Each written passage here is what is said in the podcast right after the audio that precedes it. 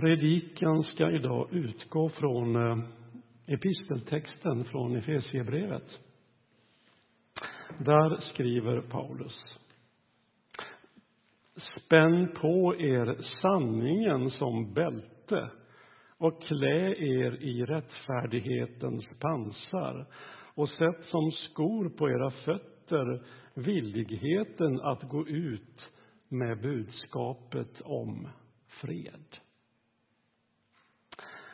Ja, det är inte bara sanningens bälte, rättfärdighetens pansar och villighetens skor, utan han talar om en Guds rustning som även utgörs av trons sköld, frälsningens hjälm och Andens svärd.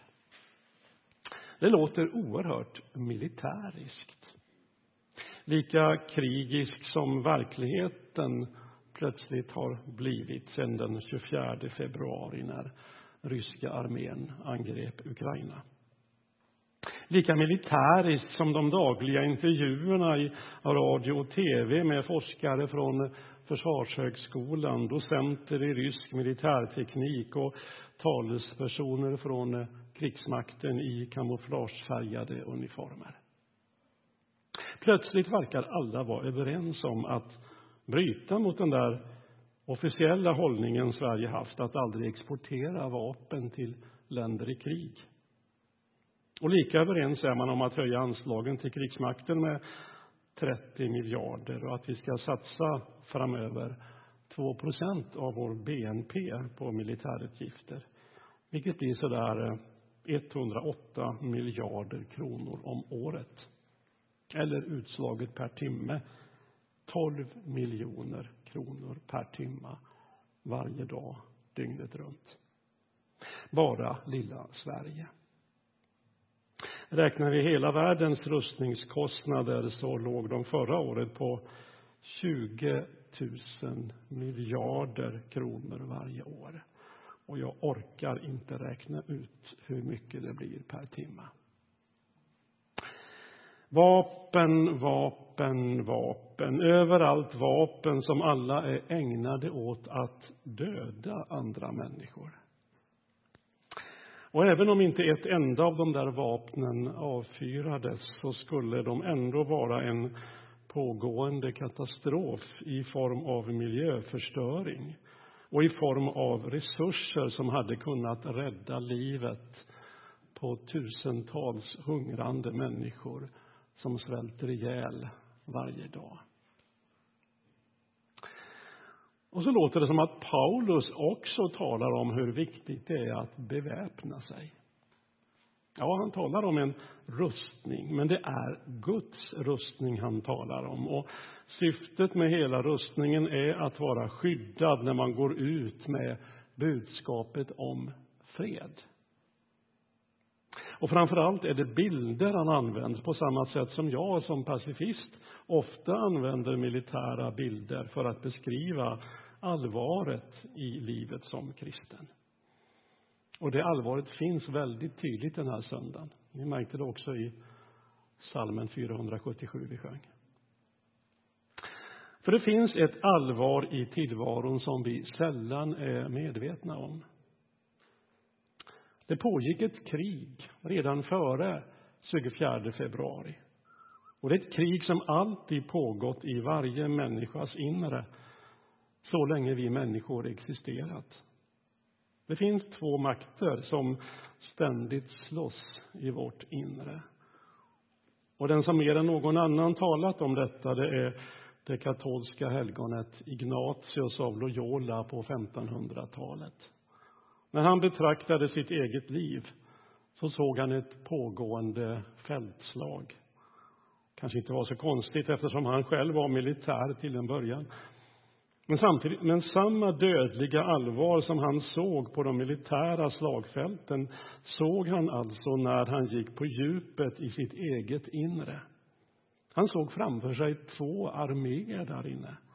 Den ena armén leddes av Kristus och den andra leddes av djävulen. Och de båda slogs om herraväldet i hans liv och i varje människas liv. När Ignatius grundade sin orden, jesuitorden, så var motivet att rusta sina ordensbröder till att bli ett slags andliga elitsoldater i det pågående kriget. Man skulle kunna beskriva det där i psykologiska termer. Eller helt vardagliga termer som kampen mellan gott och ont inom oss. Men jag tror att det kan vara nyttigt att beskriva det just som ett pågående fältslag. Just för att förstå allvaret. Och kanske allra mest för att skaffa oss en medvetenhet om att vi alla bär på något som vill oss illa och som vill andra människor illa. Det finns en inneboende destruktivitet i oss alla. Eller med kyrkligt språkbruk, vi bär alla på demoniska djup i vårt eget inre. I kyrklig tradition har det kallats syndafördärvet. Den gamla människan, den gamle Adam, köttet. Eller som hos gamle biskopen Bo Giertz, stengrunden. En bild för, från jordbruket som vill återge det där stenhårda inom oss som inga järnspett i världen rår på. I vårt hjärtas åker. Rubriken för den här söndagen är alltså Kampen mot ondskan. Och budskapet är att det är en kamp som pågår såväl i den yttre världen som inuti var och en av oss. Och det är en kamp som vi har allt för lätt att försöka ställa oss utanför.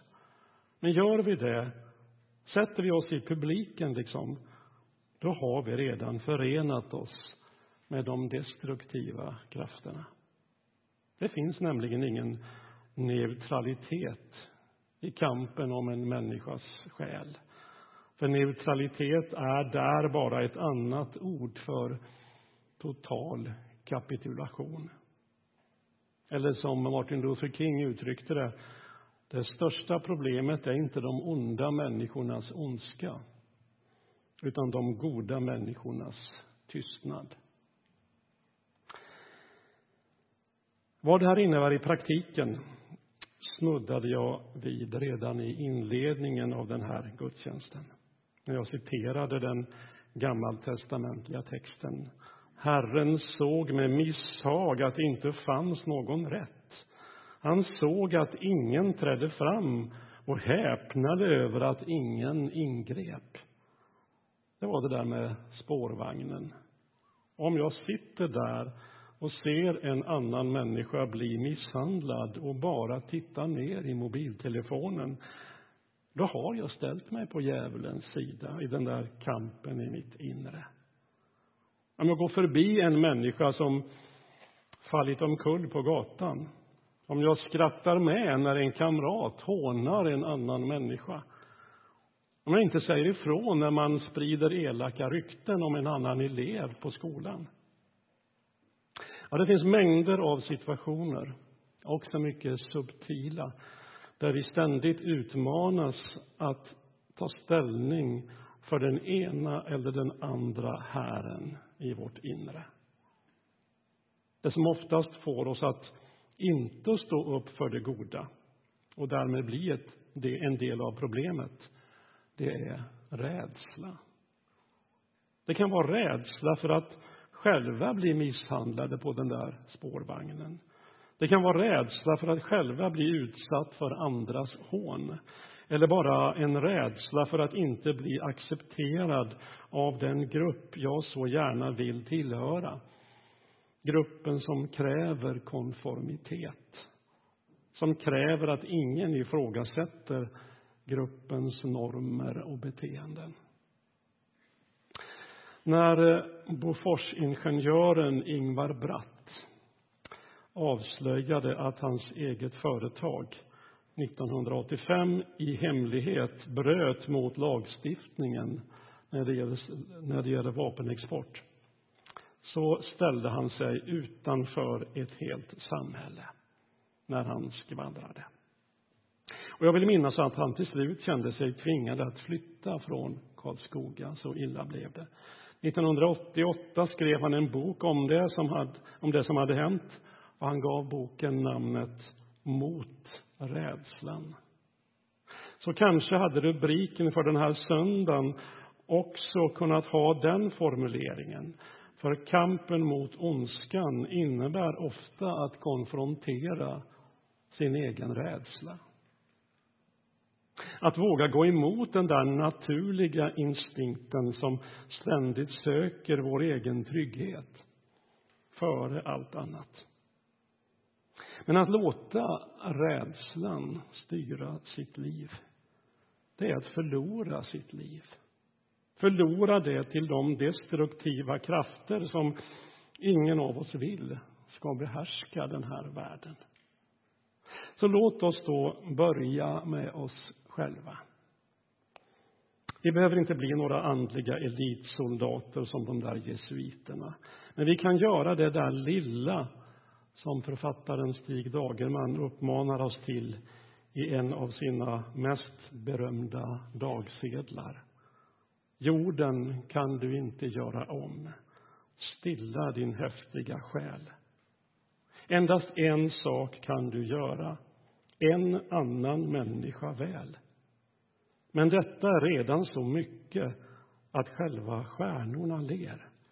En hungrande människa mindre betyder en broder mer. Amen.